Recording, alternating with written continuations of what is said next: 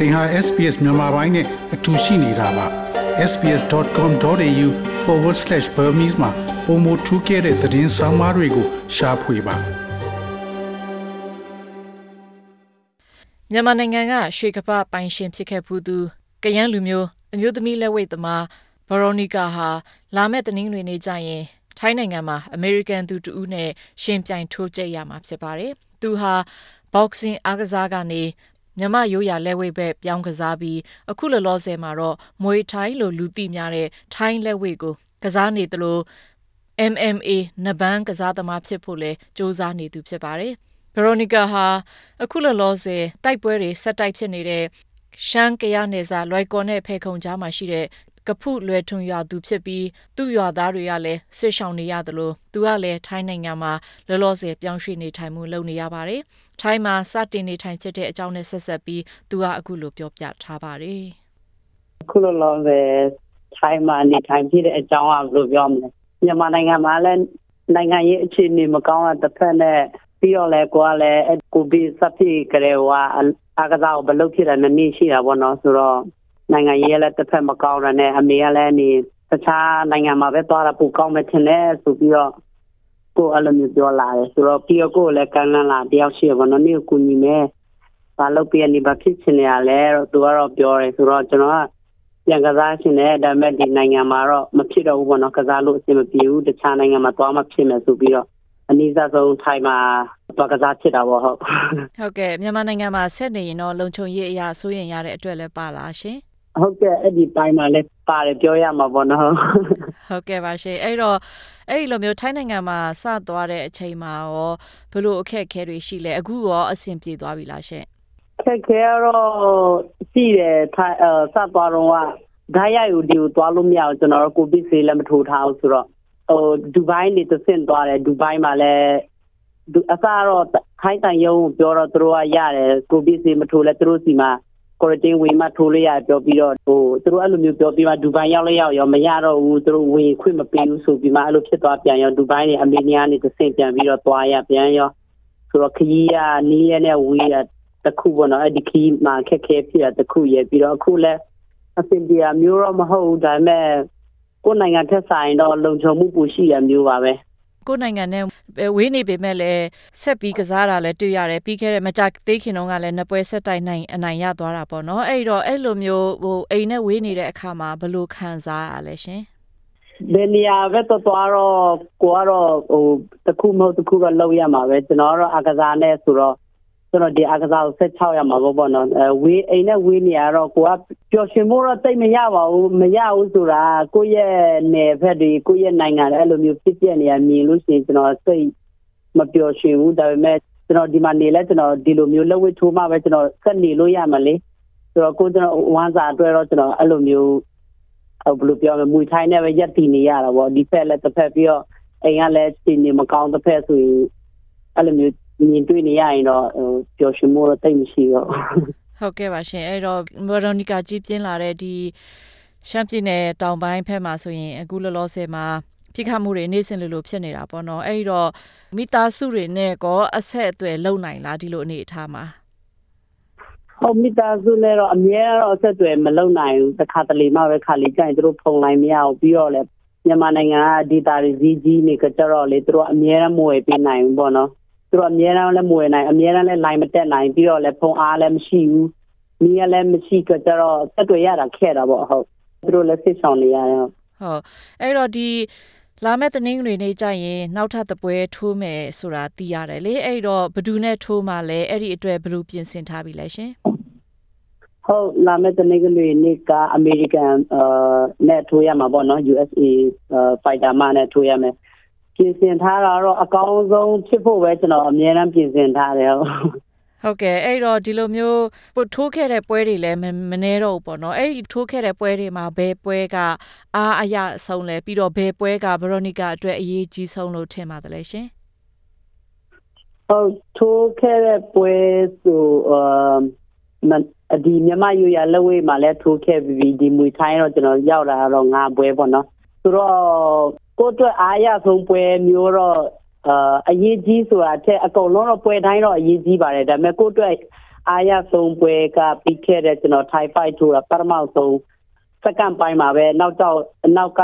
ကြောင်ထိုးတာမရှိခဲ့ဘူးကြတော့လေကျွန်တော်အဲ့ဒီပွဲမှာပဲအရန်ပျော်ခဲ့တာပေါ့ဟုတ်ကဲ့အခုလိုမျိုးဒီပွဲတွေကိုဘသူကနေစီစဉ်ပေးတာလဲဥပမာခါတိုင်းဆိုရင်မြန်မာနိုင်ငံကိုစားပြုအနေနဲ့သွားမယ်ဆိုရင် ဘယ်လိုပြောနိုင်ငံတော်ကစီစဉ်ပေးတာလားဘယ်လိုမျိုးဟိုလှုပ်ဆောင်ပေးတာရှိလဲရှင်အခုကနိုင်ငံတော်ကစီစဉ်ပေးတာမဟုတ်အခုကကျွန်တော်ရဲ့အရင်တော့ကျွန်တော် customer တယောက်ပေါ့နော်ကျွန်တော်သူ့ train ပေးရ train ပေးနဲ့ဒီနိုင်ငံရေးမကောင်းလာကြတော့ပြီးတော့ကျွန်တော်လည်းအခက်အခဲဖြစ်လာတော့သူကကျွန်တော်ကူညီမယ်ပြောပြီးမှသူကျွန်တော်ဒီကိုပို့တယ်သူတယောက်တည်းပဲအကုန်လုံးဒီအကုန်ကြခံတာပေါ့နော်ပြီးတော့သူအခုဒီလက်ကျင်ဖို့တိုက်ကမှလက်ကျင်ဖို့လည်းသူပဲစသွင်းပေးတယ် ပြီးတော့လည်းတိုက်ကလည်းကျွန်တော်ပူပြီးသဘောကျလာကြတော့ training ကတော့ free ပေးတာပေါ့နော်ခုလောဆယ်မှာဆိုတော့ဒီဘာလဲဂျမ်နီကကျွန်တော်ကန်စမာတယောက်ပဲကျွန်တော်အကုန်လုံးဆက်စားရလုပ်ပေးတာဟုတ်တခြားဒီနိုင်ငံနိုင်ငံတော်နဲ့စိတ်မပတ်သက်ဘူးအဲ့ဒါတွေကသူတို့ကျွန်တော်ဘာခုမှမလုပ်ဘူးဟုတ်ကဲ့ဟိုအရင်တုန်းကမြန်မာနိုင်ငံမှာကစားတဲ့ပွဲတွေရောဘယ်လိုမျိုးအစီအစဉ်ရှိလဲရှင်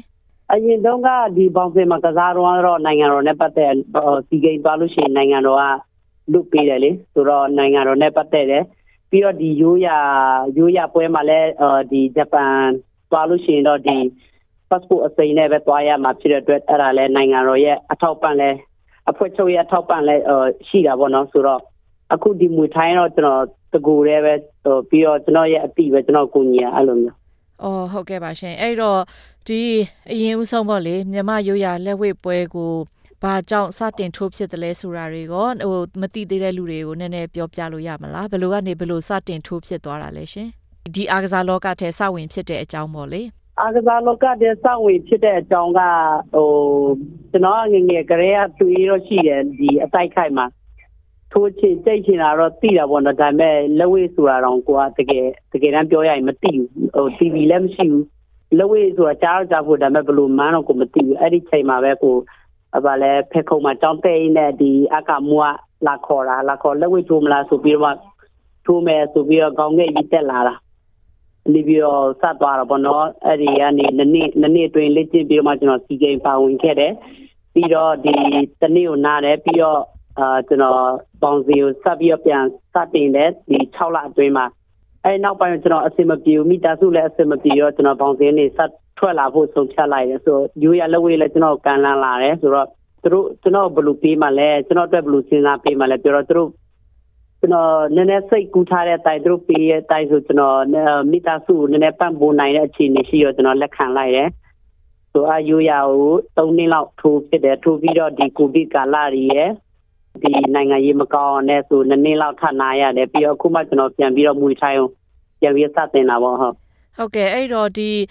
မြန်မာရိုးရလက်ဝဲကဘယ်လိုပြောအရင်ဆုံး boxing နဲ့စတယ်ပြီးရင်မြန်မာရိုးရလက်ဝဲကိုဖဲကိုသွားတယ်ပြီးရင်အခုမွေးထိုင်းအဲ့ဒီဖဲကိုသွားတာပေါ့နော်အဲ့ဒီမှာကွာခြားမှုတွေရှိလားရှင်ကွာခြားမှုကဒီမြန်မာရိုးရလက်ဝဲပေါင်းစင်ကကြတော့ only လက်တီပေါ့နော်လက်တီတစ်ခုပဲဆိုတော့ဒီရိုးရကကြတော့ခေါင်းပါတယ်တခုပေါ့နော်ဒီမွေထိုင်းနဲ့ရိုးရတော့တိတ်မကွာပါဘူးဒါပေမဲ့ခေါင်းရိုးရကကြတော့ခေါင်းပါသွားတော့တခုပါပဲ။ အော်ဟုတ်ကဲ့။အဲ့တော့အများကြီးထပ်ပြီးတော့လေ့လာစရာတော့မလိုဘူးပေါ့နော်ဟုတ်ဟုတ်တယ်ဒါကြီးအများကြီးတော့အများကြီးမလို့ဆိုတာတဲ့ကျွန်တော်တို့ရိုးရလက်ဝက်ကကြတော့တခုကြအချုပ်ဆွဲတိတ်ကျွန်တော်တိတ်မကျွမ်းကျင်မွေထိုင်းကကြတော့ဒီအချုပ်ဆွဲပိုင်းမှာကောင်းတယ်အဲ့ဒီတခုတော့ကျွန်တော်ပို့ပြီးလေ့လာရတာပေါ့ဟုတ်။ဟုတ်ကဲ့။အဲ့တော့ဒီလိုမျိုးတိတ်မကွာဘူးဆိုပေမဲ့လည်းထိုးရတဲ့အခါမှာ boxing ကိုအကြိုက်ဆုံးလားရိုးရလက်ဝဲကိုအကြိုက်ဆုံးလားဒါမှမဟုတ်ရင်ဒီမွေးထိုင်းကိုအကြိုက်ဆုံးလားရှင် အကြိုက်ဆုံးပြောရမယ်ဆိုရင်တော့ဘောင်စီအကြိုက်ဆုံးပဲဟုတ်။ဟုတ်ကဲ့ဘာဖြစ်လို့လဲရှင့်မသိဘူးကျွန်တော်ဘယ်လိုဖြစ်လို့လဲဆိုတော့ဘောင်စီရဲ့ feeling ကလေအဲဘယ်လိုပြောမလဲမတူဘူးမတူဘူးဆိုတာအဲ့ဒီအဲ့ဒီဘောင်စီကကျတော့ speed တွေလိုတယ်အချောင်သိမ်းတွေမြန်ဖို့လိုအပ်တယ်ပေါ့နော်အဲ့ဒီတခုအဲ့ဒီ feeling ကိုတကယ်တကယ်ရန်ဘောင်စီကိုကျွမ်းကျင်တဲ့လူတစ်ယောက်ထိုးလို့ရှိရင်လေဟိုအဲ့ဒီဘောင်စီရဲ့ feeling ကို ခံစားမိလို့ရှိရင်တကယ်ကျွန်တော်အဲ့ဒီဟာမလဲနိုင်ဘူးအဲ့လိုဖြစ်နေတယ်။ဟုတ်ကဲ့။အဲ့တော့ဒီအရန်ကိုကြိုက်တဲ့ boxing လောကဖဲကိုရောပြန်ဝင်ဖို့ရှိလားဟုတ်အဲ့လိုမျိုးတော့မရှိတော့ဘူးပြန်ဝင်ဖို့တော့မရှိတော့အာဘာဖြစ်လို့လဲဆိုတော့ကိုကကျွန်တော်ဒီစိတ်ထဲမှာချစ်ဆက်သွားဖို့ကဒီအခုဒီခြေတော့လဲကျွန်တော်နည်းနည်းဟို နည်းနည်းပူပြီးတက်လာပြီဆိုတော့ကျွန်တော်ချစ်ဆက်ဖို့ကဒီဘာလို့ပြောနဘန်ပိုင်းမှာပေါ့နော်ကျွန်တော်ဒီဝမ်ပိုင်းမှာပဲပူပြီးစဉ်းစားလိုက်တော့တယ်ဘောင်စင်ကိုပဲပြန်မသွားဘူးဘောင်စင်ကကျတော့ပြန်သွားဖို့လည်းအဆင်မပြေအဆင်မပြေပွဲတွေတိတ်မရှိဘူးဟိုပွဲတွေတနေ့မှနှစ်နေ့မှတစ်ခေါက်စီကိန်းလောက်ပဲရှိဆိုတော့ကျွန်တော်တို့တိတ်အဆင်မပြေဘူးဟုတ်ဟုတ်ကဲ့အဲ့တော့နဘန်ကရောဟိုဘယ်တော့သွားဖို့ရှိလဲအဲ့ဒီအတွက်ဘယ်လိုစီစဉ်ထားပြီလဲရှင် ဟုတ်အဲ့ဒီအတွက်တော့ကျွန်တော်အခုစပြီးတော့လေ့ကျင့်နေပြီပေါ့နော်ဒါပေမဲ့ပြိုင်ပွဲတော့ဘယ်တော့လဲကျွန်တော်ဝင်နိုင်မလဲဆိုတာတော့အတိအကျမသိရသေးဘူးဟုတ်ကဲ့အဲ့တော့နဘန်လို့ပြောတဲ့အခါမှာဘယ်ဟာကိုပြောတာလဲရှင်ဥ MMA MMA ကိုပြောတာကျွန်တော် MMA ကိုဟိုအဓိကဝင်ပြိုင်ချင်တာပေါ့ဟုတ်အော်ဟုတ်ကဲ့ MMA မှာဟုတ်ကဲ့အဲ့ဒီအတွက်လည်းလောလောဆယ်မှာပြင်ဆင်မှုတွေလုပ်ပြီပေါ့နော်ဟုတ်ကဲ့ဟုတ်ကဲ့အခုမှစတင်လုပ်နေပါပြီဟုတ် ဟုတ်ကဲ့အဲ့တော့ဒီလိုမျိုးဟိုအရင်တလောကအောင်ပွဲခံတဲ့အခါမှာနိုင်ငံတော်အလံအစားပေါ့လေကိုယ့်ရဲ့အမျိုးသားအလံဖြစ်တဲ့ကယန်းအလံကိုကင်ပြီးတော့အောင်ပွဲခံတာတွေ့ရပါတယ်အဲ့တော့ဟိုဘာကြောင့်အဲ့လိုမျိုးဟိုလောက်ရတယ်လဲဒီရှစ်ဆက်ကောဘယ်လိုစီစဉ်ထားပါသလဲရှင်အောင်ပွဲတွေရမယ်ဆိုရင်ဟုတ်အောင်ပွဲရမယ်ဆိုရင်တော့ချစ်ဆက်ကျွန်တော်ရဲ့ဟိုဟာ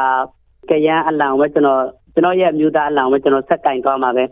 ဘာဖြစ်လို့လဲဆိုတော့ကျွန်တော်ငငယ်ကလေးကိုလည်းဒီအလံမြန်မာအလံကျွန်တော်မကြိုက်ဘူးဟိုတဘောမကြခဲ့ဘူးပေါ့နော်အခုကပို့ပြီးဆိုတော့တကူကကျွန်တော်တို့မကြိုက်တဲ့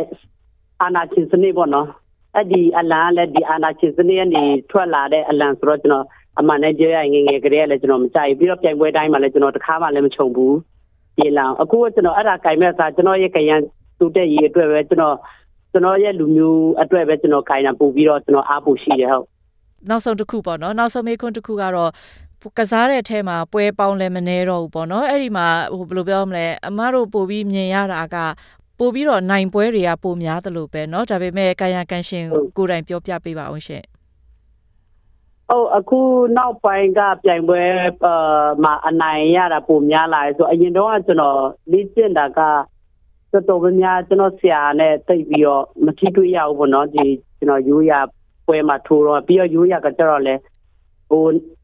နောက်ကောက်ကြမှာပဲအနိုင်ရရှိရပေါ့ကွာဆိုတော့ဒီအမှတ်နည်းစနစ်မဟုတ်တဲ့အတွက်ကျွန်တော်နိုင်ရခဲရင်းတယ်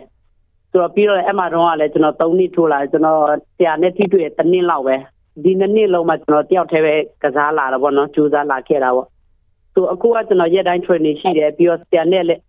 ရက်တိုင်းတင်ကြမှုရှိနေကြတော့ကျွန်တော်ပို့ပြီးတော့ အားရှိစေတာပေါ့ပို့ပြီးတော့ဟိုကိုယ့်ကိုယုံကြည်မှုပိုရှိတယ်အနိုင်ရဖို့လည်းပို့ပြီးလွယ်သွားတာပေါ့ဟုတ်ဟုတ်ကဲ့အဲ့ဒါဆိုရင်တော့ဗရိုနီကာလာမဲ့တနင်္ဂနွေပွဲကြရင်အမေရိကန်နဲ့ရှင်ပြိုင်မဲ့ပွဲမှာအနိုင်ရပါစေလို့ဆုတောင်းပေးလိုက်ပါတယ်အခုလိုမျိုး SBS နဲ့စကားပြောတဲ့အတွက်ကျေးဇူးအများကြီးတင်ပါတယ်ရှင်